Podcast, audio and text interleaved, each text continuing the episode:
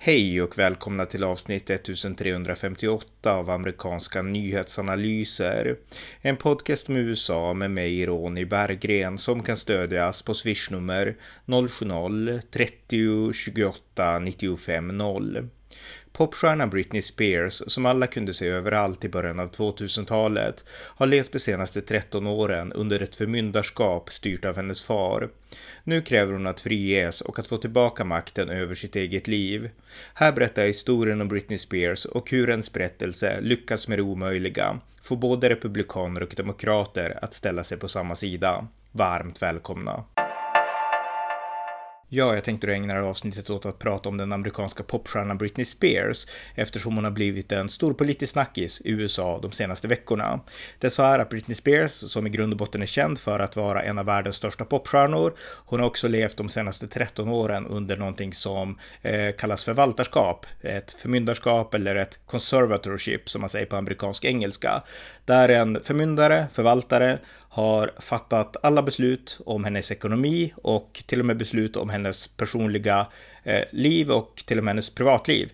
Och den här förvaltaren, förmyndaren i fråga, är ingen mindre än hennes far, Jamie Spears. Och Britney Spears, hon har protesterat över det här. Hon har pratat i domstol väldigt för några veckor sedan och sagt att hon vill inte längre leva under det här förvaltarskapet, utan hon vill ha rätt att bestämma över sitt eget liv och hon som snart 40 vill inte att hennes far ska bestämma om hon ska kunna skaffa barn eller köra bil eller sådana saker, utan hon vill bestämma över sig själv. Och det här har verkligen blivit en snackis bland miljontals fans över hela världen och bland alla som diskuterar saker på ja, vanliga amerikanska tv-nyheter egentligen. Men det har också blivit en politisk snackis därför att det har kastat ljus på om de här äh, lagarna och reglerna kring förvaltarskap och äh, gode män och sånt, om det verkligen fungerar i USA. Och väldigt många politiker från både den republikanska sidan och demokratiska sidan har sagt att det här verkar ju inte fungera och eh, vi står helt på Britney Spears sida och vill att hon ska bli fri från det här. Så att hon har väckt frågan till liv om eh, ja, hur det fungerar med förmynderi och gode män och förvaltarskap i USA. Och det är det jag ska prata om då i det här poddavsnittet. Så att jag har de senaste veckorna eh, läst massvis om Britney Spears på Wikipedia, jag har tittat på hennes musikvideos och på dokumentärer på YouTube och så. Och eh, försökt sätta mig in i det här. Och eh, jag är ingen så här superexpert alls på det här egentligen. Eh, när det begav sig för sådär 20 år sedan, när Britney Spears var som mest inne och jag själv var som mest formativ av musik, så var inte jag någon sån här eh, popfantast, utan jag var mer inne på metal och sådana saker. Så att jag fastnade aldrig för popmusik och faktiskt inte för Britney Spears heller. Men nu tycker jag att hon är jätteintressant därför att det jag har läst är intressant. Hon har en intressant livshistoria och eh, hon verkar vara intelligent, smart och eh, den här frågan är viktig och den behöver lyftas liksom upp och det är den stora snackisen i USA. Så att jag tänkte berätta lite om Britney Spears bakgrund, hur diskussionerna har gått och eh, den politiska situation som hon har gett upphov till. Ja, Britney Spears historia börjar såklart i hennes fall som i alla andras fall med föräldrarna. Men i förhållande till den här historien så är det extra viktigt att berätta lite mer om de här föräldrarna eftersom de betydde så mycket för det som hände sen med Britney Spears. Och Britney Spears föräldrar, det var Jamie och Lynn Spears som gifte sig 1976 och eh, de fick sitt första barn året därefter och det var Brian Spears som blev eh, Britney Spears äldre bror. Eh, Britney Spears själv, hon föddes som andra barn 1981 och lite senare så kom då hennes lilla syster Jamie Lynn Spears. Men hennes föräldrar i alla fall, Jamie och eh, Lynn Spears, eh, de, har, de hade problem eh, redan tidigt i sitt äktenskap. Eh, de var relativt fattiga. Jamie Spears, han var byggarbetare, men han hade också problem med alkohol och eh, kunde inte riktigt behålla sina jobb. Och eh, de saknade pengar och det var ofta bråk i familjen och Britney Spears fick, eh, hon fick uppleva det på nära håll väldigt ofta och se föräldrarna bråka och så. Och det berättas om vid ett tillfälle så eh, försökte pappan, Jamie Spears, köra iväg med Britney Spears när hon var bara fem år gammal i bilen i fyllan. Och eh, han vart stoppad av sin egen bror som sa att så här kan du inte göra. Och de började bråka och skrika och eh, Britney Spears typ fick bevittna det. Och det finns många sådana där historier om hennes, om hennes barndom som inte var helt enkel. Men hur som helst, föräldrarna var fattiga. Men Britney Spears hon visade tidigt att hon hade kreativ talang, hon var uttrycksfull och gillade att dansa och sådana saker. Och föräldrarna de ansåg att vi vill göra henne till en barnstjärna och de satsade mycket pengar för att få henne att liksom lyckas med det då. Och eh, det första stora framgången, eh, det var en, eh, en av de första stora, hon var med i en, en annan roll också tidigare, men det var när hon 1992 fick eh, komma med i Disney Channels, The Mickey Mouse Club, eh, tillsammans med andra barnstjärnor som Christina Aguilera och Justin Timberlake. Och eh, ja, hon deltog där och sjöng och uppträdde och så och vart väldigt, eh, ja, hon var väldigt duktig och väldigt talangfull då. Sen när hon växte upp och blev tonåring så försökte man bredda hennes liksom repertoar och få henne att bli känd och få stora skivkontrakt och så. Och de kontaktade en, eh, en advokat som var en vän till dem, till familjen. Larry Rudolph hette han, som de ville skulle kontakta olika skivbolag och så. Och det gjorde han, men skivbolagen de sa att eh, nej tyvärr, eh, Britney Spears hon har talang, hon är duktig på att sjunga, men de här eh, liksom enskilda stora stjärnorna som Madonna och Debbie Gibson och liknande, de, ja, det är inte det som är inne nu, utan nu är det inne med grupper som Backstreet Boys eller Spice Girls. Så att skivbolagen sa nej till Britney Spears. Men det fanns ett undantag, ett annat skivbolag som heter Jive Records och de ansåg att ja, vi kan göra ett popalbum med Britney Spears. Och eh, det var helt enkelt så att man skickade Britney Spears till Sverige, till Stockholm, där hon fick hjälp av den kända svenska popproducenten Max Martin med en hitlåt. Och det var låten Baby One More Time där han skrev den här kända strofen då, Hit Me Baby One More Time. Så att den gjorde henne superkänd när hon kom tillbaka till USA och hon, eh, ja, hon blev känd med den. Och eh, hennes album sålde i miljoner. Och eh, ja, vid det här laget så tror jag hon har sålt 150 miljoner plattor och sådär. Eh, och jag vet inte hur man räknar, för nu säljer man ju liksom online och så, inte liksom CD-skivor eller eh, liknande. Så att, eh, men hur som helst, hon har sålt väldigt mycket och har blivit väldigt känd genom all musik hon har gjort då. 2002 var hon också med i en film som heter Crossroads och eh, där var också Justin Timberlake med, som hon har känt sedan, sedan barndomen då. Och de två blev också tillsammans och fick ett förhållande och sen när de separerade så skrev han en låt som heter Cry Me a River och ja, man började prata mycket om henne och så. Men i samband med det, dels med hennes separation och dels med att hon började växa upp så började hon också skriva lite annorlunda musik. Den var inte lika så här oskyldig som den var när hon hade varit barn. Hon hade växt upp som kristen, som baptist. Hon hade liksom varit inne på att jag ska vara oskuld tills jag gifter mig och hon hade sjungit såna här kristna sånger och liknande. Och eh, nu när hon var kring 20 så började hon skriva mycket mer, eller sjunga mycket mer sexuella låtar och ha en mycket mer sexuell framtoning i det hon gjorde än hur hon hade varit tidigare. Och det här på något sätt kröntes lite grann när hon på scenen i Eh, en MTV-gala tror jag att det var 2003, kysste Madonna på scen och eh, det vart mycket prat om det, liksom två tjejer som kysser varandra, det var 20 år sedan liksom. Och, eh, och så, så att det vart väldigt mycket prat nu om Britney Spears sexuella liksom ja, mm, hennes sexuella framtoning. Och hon vart väldigt jagad av paparazzis och eh, helt uppenbart så vart hon stressad av det här. Eh, relationen med Timberlake tog slut och hon gifte sig sen då istället med Kevin Federline 2004 som var en av hennes dansare i hennes shower som hon ja, blev ihop med då. Och de fick två barn tillsammans. Men Britney Spears eh, psykiska hälsa gick åt fel håll. Och eh, de separerade, de fick två barn, men hon fick inte vårdnaden över dem, utan det fick han och hon fick inte rätt att träffa dem heller. Och hon blev, ja, hon mådde inte bra. Och eh, 2007 i samband med att eh, hon hade nekats träffa sina barn. Då gick hon in på en frisörsalong och rakade håret. Hon hade ju väldigt långt vackert hår. Och hon rakade sig helt kal och det fanns olika filmbilder som man lyckades filma in. Det var väl någon paparazzi antar jag genom ett fönster där man ser hur hon rakar sig. Och eh, efteråt så blir hon helt galen och hon går till attack mot en paparazzi med ett paraply och, eh, och sådär. Och eh, nu börjar egentligen hennes fall lite grann då, det som ledde till, eh, ja, det som senare hände när hon hamnade under förvaltar och förmyndarskap. Och eh, Ehm, 2008 så, så kunde man se också fler eh, filmklipp komma ut när hon låg fastspänd på en bår, en brits och kördes iväg från sitt hem i, vad jag tror är en ambulans till psykiatrin då. Så att nu började hennes problem på allvar och det är nu man kommer in på hennes conservatorship, hennes överförmynderi och hennes förvaltarskap. Och eh, några ord om det följer nu. Ja, efter de händelser som jag nu har berättat om så omyndigförklarades helt enkelt Britney Spears och hon sattes under förvaltare. Och hennes förvaltare var hennes far och en del andra också, men främst hennes far då som hade den här huvudsakliga rollen. Och han förvaltade hennes pengar och från början så var det tänkt att det här bara skulle vara temporärt. Eh, men det förlängdes och vart egentligen tidsobundet eh, efter, efter ett tag. Och hon har levt under det här förvaltarskapet i 13 år, sedan 2008 eller 2009 och eh, ja, i, i, konkret så har det inneburit egentligen att hon har förlorat sin frihet, sin frihet över sina pengar. Hon får egentligen fickpengar av vad jag förstått och inte liksom fri att göra investeringar och sånt själv. Eh, men inte nog med det, utan hon har också fått eh, mycket av sitt sociala liv eh, inskränkt genom att hon måste träffa terapeuter som hon tvingas att träffa och hon måste, ja, hon får inte kontrollera sina egna sociala medier med Instagram som verkar vara undantaget och hon får inte ens skaffa barn. Hon har faktiskt en spiral insatt som hon inte får ta ut utan tillåtelse.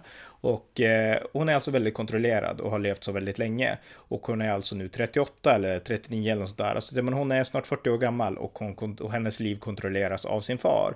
Och eh, familjen menar då att det här görs på grund av hennes psykiska ohälsa. Eh, men argumenten som har kastats fram har varit utifrån det jag läst då väldigt så här. Eh, vid ett tillfälle så sa pappan att hon håller på att utveckla en tidig demens och det gjorde han då när hon, hon var alltså i 20-årsåldern och eh, Eh, den sannolikheten är väldigt liten. Och eh, de här argumenten som har framförts, alltså många menar att, att de här argumenten för att för, för behålla det här förvaltarskapet, de argumenten för det håller inte.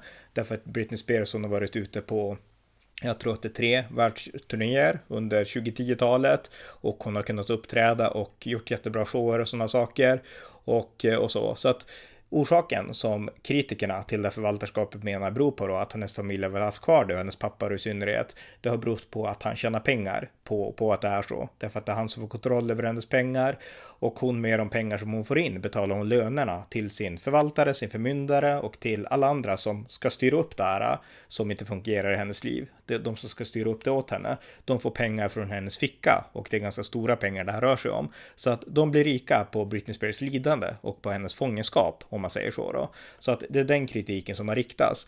Och den har funnits ett tag, den här kritiken, men den blev extra stor 2019. Då uppstod på allvar någonting som heter Free Britney rörelsen Och det är så är en hashtag på sociala med medier, Free, Free Britney. Och eh, den går ut på att eh, ja, den här rörelsen handlar helt enkelt om att de vill att Britney Spears ska bli fri från sitt eh, överförmynderi för sitt, från sitt förvaltarskap. Och de har Ja, de har drivit tesen att Britney Spears egentligen hålls fången, att hon är i det här förvaltarskapet helt mot sin egen vilja och att det inte finns fog att behålla det här förvaltarskapet längre. Det kanske fanns det 2008 och 2007 när hon fick kritspel och var väldigt psykiskt stressad, men nu är hon vuxen, hon har liksom mognat, hon är en mycket, hon är en helt annorlunda person, hon har helt enkelt växt upp eh, och eh, därför finns det ingen anledning att, att ha kvar det här förvaltarskapet, anser Free Britney-rörelsen då. Och eh, de menar att eh, just det här med att hon är fången i det här förvaltarskapet. Det, det, det, tecken på det anser de att de upptäckte 2019 när en planerad världsturné ställdes in och eh, hon pratar om att ja, jag mår bra, vi har börjat problem i familjen och sådana saker, att det var därför hon ställde in. Men hennes fans trodde inte det här, utan de trodde att det låg något djupare bakom. Och som sagt, Britney Spears sociala medier är väldigt kontrollerade, men de får använda Instagram. Och där så lägger hon ut många videos där hon dansar, alltså helt privat i sitt hem och så. Och eh, lägger ut så här till sina fans. Och eh, där så började fans skriva att om du har problem, skrev de sommaren 2020 för ungefär ett år sedan då, att om du har problem med Britney och behöver hjälp så eh, bär en gul tröja eh, i nästa video, skrev de. Och hon la ut en video lite kort därefter där hon bar just en gul tröja och där de skrivit som text att jag bär min favorita gula tröja, skrev som text. Och det här fick fans att eh, ja, dra slutsatsen att hon, hon besvarar våra liksom, ja, hon besvarar vår fråga, hon behöver hjälp, hon vädjar om hjälp. Och den här Free Britney-rörelsen växte ännu mer, de protesterade och ropade, alltså de har samlats i flera olika amerikanska städer och ropat att Free Britney och vi vill att conservatorshipet avslutas ungefär, är vad de har krävt. Och pappan då, Jamie Spears, han har avfärdat den här rörelsen som konspirationsteorier. Den här idén då om att Britney Spears skulle vara fången. Och eh, det har diskuterats i media här, men eh, Ja, vi vet ju inte, vi som är utanför vet ju inte exakt vad som är sant och inte, så att man har berättat om att det finns ett fenomen som heter Free Britney eh, och eh, ja, att Britney Spears pappa tar avstånd från det och att Britney Spears verkar inte heller vara så intresserad av den. Men det, det som ändrade det här, det var att Britney Spears för några veckor sedan talade ut inför domstol och det här, äh, det hon sa helt enkelt, det spelades in och det vart offentligt.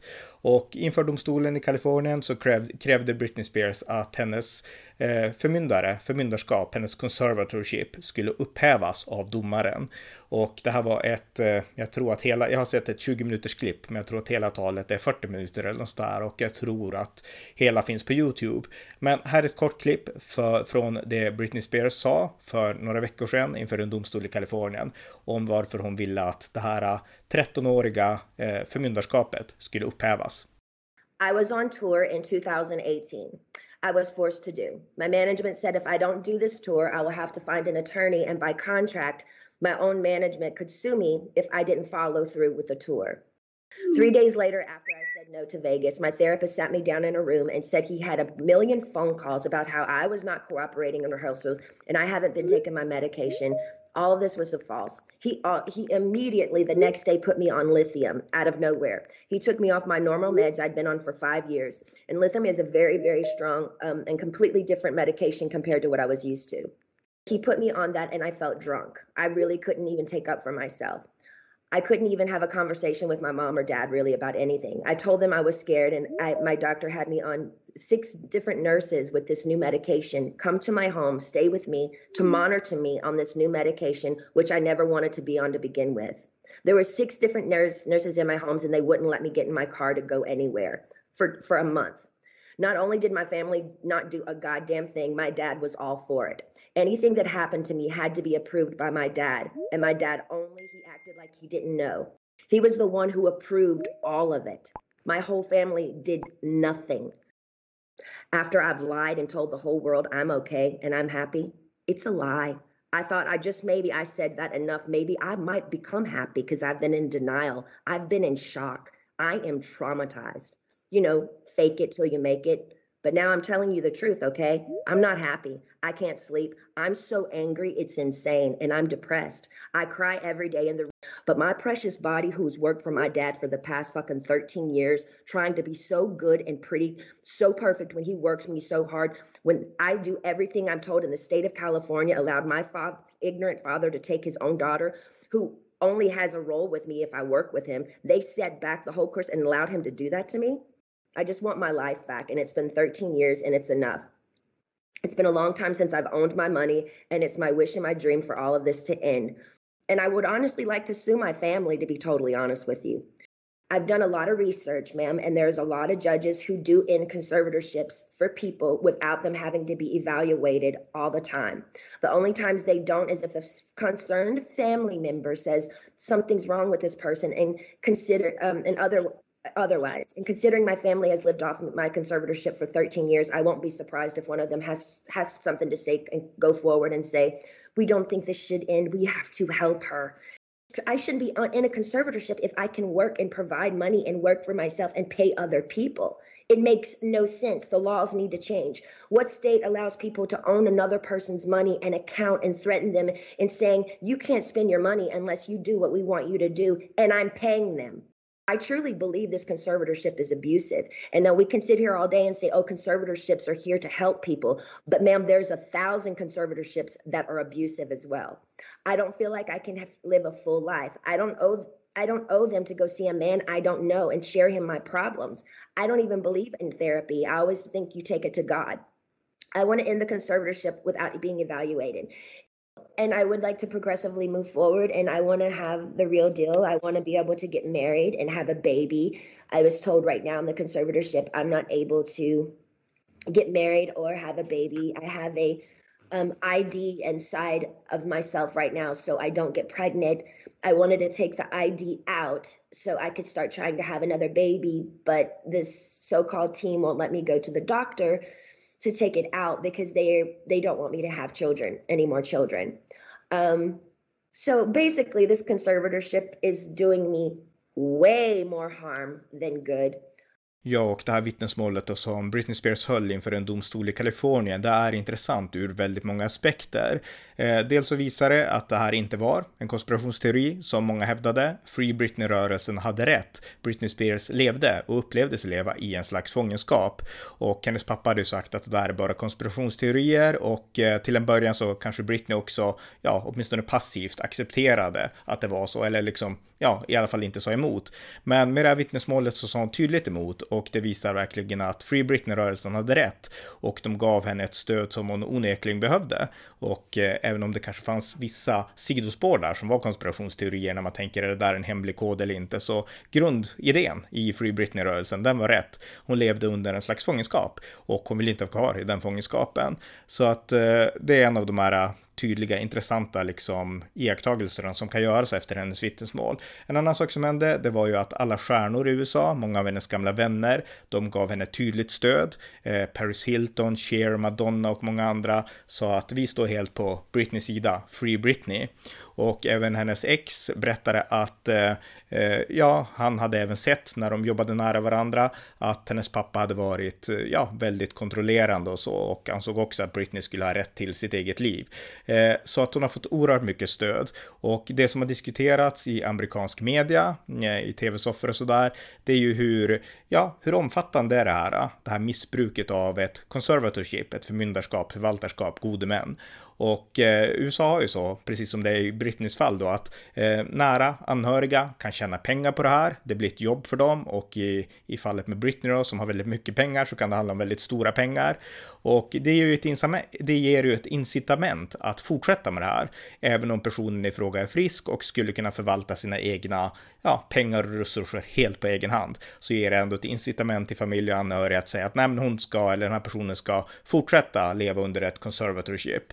Och det har diskuterats, är det här bra eller inte? Och även politiker har hörsammat det här och uppmärksammat det. Och i USA är det ju så att politikerna, republikanerna och demokraterna, de kan inte komma överens om någonting alls. De bråkar om allt ifrån infrastrukturförslaget till skatter och till sjukvård och till utrikespolitik och klimatpolitik och republikanerna och eh, demokraterna är inte ens om något. Vi har hela kulturkriget med Black Lives Matter, defande polis, eh, liksom hård militär eller inte, alltså, eller hård polismakt eller inte, alltså de kommer inte överens om något. Det finns en enorm polarisering, Donald Trump versus Joe Biden och så vidare. Så att polarisering är enorm. Men i den här frågan, i frågan om Britney Spears, så tycks partierna vara enade. Och nyligen så talade den republikanske kongressmannen för Florida, Matt Gates, om att, eh, ja, att vi skulle gärna vilja höra Britney tala inför kongressen och han sa så här. I do believe the nation was quite taken with the control that the guardianship and conservatorship process has on far too many Americans. And I think the very first witness before the Judiciary Committee should be Britney Spears. Free Britney, I yield back. Och på Demokraternas sida så har karaktär som Elizabeth Warren gått ut och sagt att det här måste granskas och hon stöder Britney. Och eh, nyligen, för några dagar sedan, så la till och med två personer, den demokratiska kongressmannen Charlie Crist, som tidigare var guvernör i Florida, och även den republikanska kongresskvinnan Nancy Mace, de la ett gemensamt förslag i kongressen, The Free Britney Act, la de. Och där handlar det alltså om conservatorship i USA och de menar då att eh, det ska finnas möjlighet för de som sitter under förvaltarskap att överklaga och man ska granska om det utnyttjas eller inte och även den här idén om att eh, det kanske inte är bra att familjemedlemmar och privata aktörer kan få ekonomiska incitament att fortsätta hålla förvaltarskap vid liv. Det borde vara en statlig aktör som tjänar en fast lön helt oavsett om just den personen är, behöver en förvaltare eller inte och eh, helt oavsett hur rik eller inte den personen är ändå har en fast lön. Så att det inte blir liksom ett incitament att fortsätta hålla en person kvar i, ja, i fångenskap eh, som, som fallet verkar varit i, i förhållande till Britney Spears. Och eh, så här sa den republikanska kongresskvinnan Nancy Mace på MSNBC. Well, first of all, I want to thank Britney Spears for coming forward, having the courage to come forward as a very public figure to tell her story to the entire world, what she has been through for most of her adult life now. Um, Britney Spears' conservatorship is a nightmare, and if it can happen to her, it can happen to anyone. And there are approximately 1.3 million people in America who are on in conservatorships. And what this legislation will do is allow that individual to petition the court to request and ask for a public guardian who has no conflict of interest, financial or otherwise, if they believe they're being abused and are not satisfied with the, the individual, their member of their family, business partner, etc., um, that has their conservatorship at that time. And so this is a small but meaningful first step to conservatorship reform. Och eh, så här sa demokraten Charlie Crist. Well, I think as it relates to Britney Spears, uh, one of the most disturbing parts of her story was that she was forced to implant an IUD in order to not have children.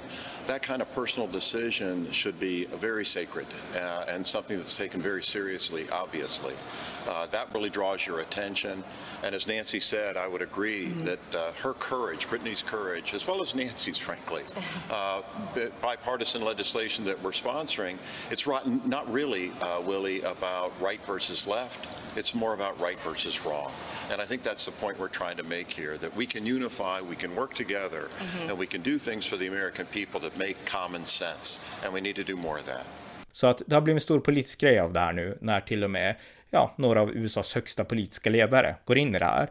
Och det ska bli intressant att se om till och med Joe Biden tar upp det här, eller kanske Donald Trump. Eh, det finns ju ett intressant klipp. Britney Spears är ju en person som, jag vet inte hur politiskt intresserad hon är idag, men hon växte ändå upp eh, i södern, eh, där många är republikaner, hon växte upp kristen, och det finns ett känt videoklipp som var med i en av Michael Moores dokumentärer i början av 2000-talet, när Britney Spears sitter och tuggar tuggummin och så säger hon att vi borde stödja George W. Bush till vilket pris som helst, säger hon. Och det är så här klassiskt klipp som man såg på den tiden och så tyckte man att, ja, jag gillar ju det såklart eftersom jag gillar Bush, men många tyckte, ja, titta vad hon är helt korkad liksom sådär. Det var intrycket av henne. Men inget tyder på att Britney Spears är korkad på riktigt, absolut inte, utan hon verkar smart, hon verkar intellektuell och eh, ja, vettig där under hennes liksom image, för det är mycket en image det hon har haft liksom under alla år. Så att eh, Ja, och hon verkar definitivt vara kapabel att, att sköta sig själv. Sen vet vi inte det här exakt, utan jag menar, vi känner inte Britneys familj, eller i alla fall jag gör inte det, och eh, det kan också hända att hennes pappa, som ändå har förvaltat pengarna ganska väl, eh, om jag läser saken rätt så hade hon 2 miljoner dollar när han började förvalta hennes pengar, och det har växt nu till 60 miljoner dollar. Så att han har gjort det här bra, och förmodligen så anser han att han kommer att göra det här bättre än Britney Spears själv någonsin skulle kunna göra. Så att eh, vi vet ju inte exakt hur det här är, hur det här är och hur det här kommer att gå liksom. Om Britney Spears bara nu kommer att kasta bort sina pengar och om det kommer att gå åt skogen igen. Jag menar i så fall skulle Britney Spears inte vara den första barnstjärnan i USA som ja, helt enkelt inte har pallat trycket. Hon skulle inte vara först. Många har gått före henne i så fall. Så att vi vet ju inte vad som är sant där eller inte. Vi vet att hon är arg på sin pappa och att hon utan tvekan verkar ha varit utsatt för stort överförmynderi. Men kommer allt att funka på egen hand för henne? Ja, det får vi se. Men den intressanta diskussionen här är ändå att eh, förvaltare, det kanske inte ska vara anhöriga som har incitament och kan tjäna pengar på personen i fråga. Så att det är väl liksom det stora felet här då som vi kan veta idag. Och sen får vi se resten då. Men hur som helst, Britney Spears har lyft den här frågan mitt in i storpolitikens centrum i den amerikanska inrikespolitiken. Och det kommer säkert finnas skäl att återkomma till det här eh, framöver i, i liksom framtida eh, poddar, lite kortare. Men med den här poddavsnittet så har ni fått veta grunden, bakgrunden till varför Britney Spears diskuteras i, ja, i nyheterna i USA och till och med av amerikanska toppolitiker. Det var avsnitt 1358 av amerikanska nyhetsanalyser. En podcast om USA som kan stödjas på swishnummer 070-30 28 95 0 eller via hemsidan på Paypal, Patreon eller bankkonto. Det var allt för den här gången. Tack för att ni har lyssnat.